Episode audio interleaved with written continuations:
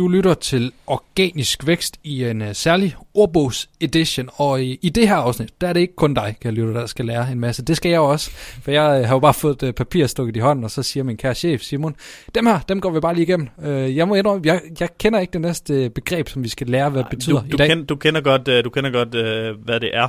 Okay. Det er en, vi bruger det engelske udtryk for, at du også bagefter kan gå ind og gå i dybden med det.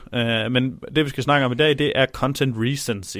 Det betyder, at hvor øh, nyligt, hvis man skal direkte oversætte det, hvor nyt er indholdet. Okay. Øh, så det betyder, at øh, en af de ting, som der kan være en ranking factor, alt efter om hvilken... Øh, hvilken branche og hvilke søger og hvilke forspørgseler det er, så kan der være nogle forspørgseler, hvor er det er virkelig, virkelig vigtigt, at indholdet er nyt, og nogle er det ikke så vigtige. Så det er et ranking-signal, at dit indhold er nyt og fresh, hvis det er, eller recent, øh, hvis det er, at øh, du skriver om noget, som er måske mere nyhedsbaseret.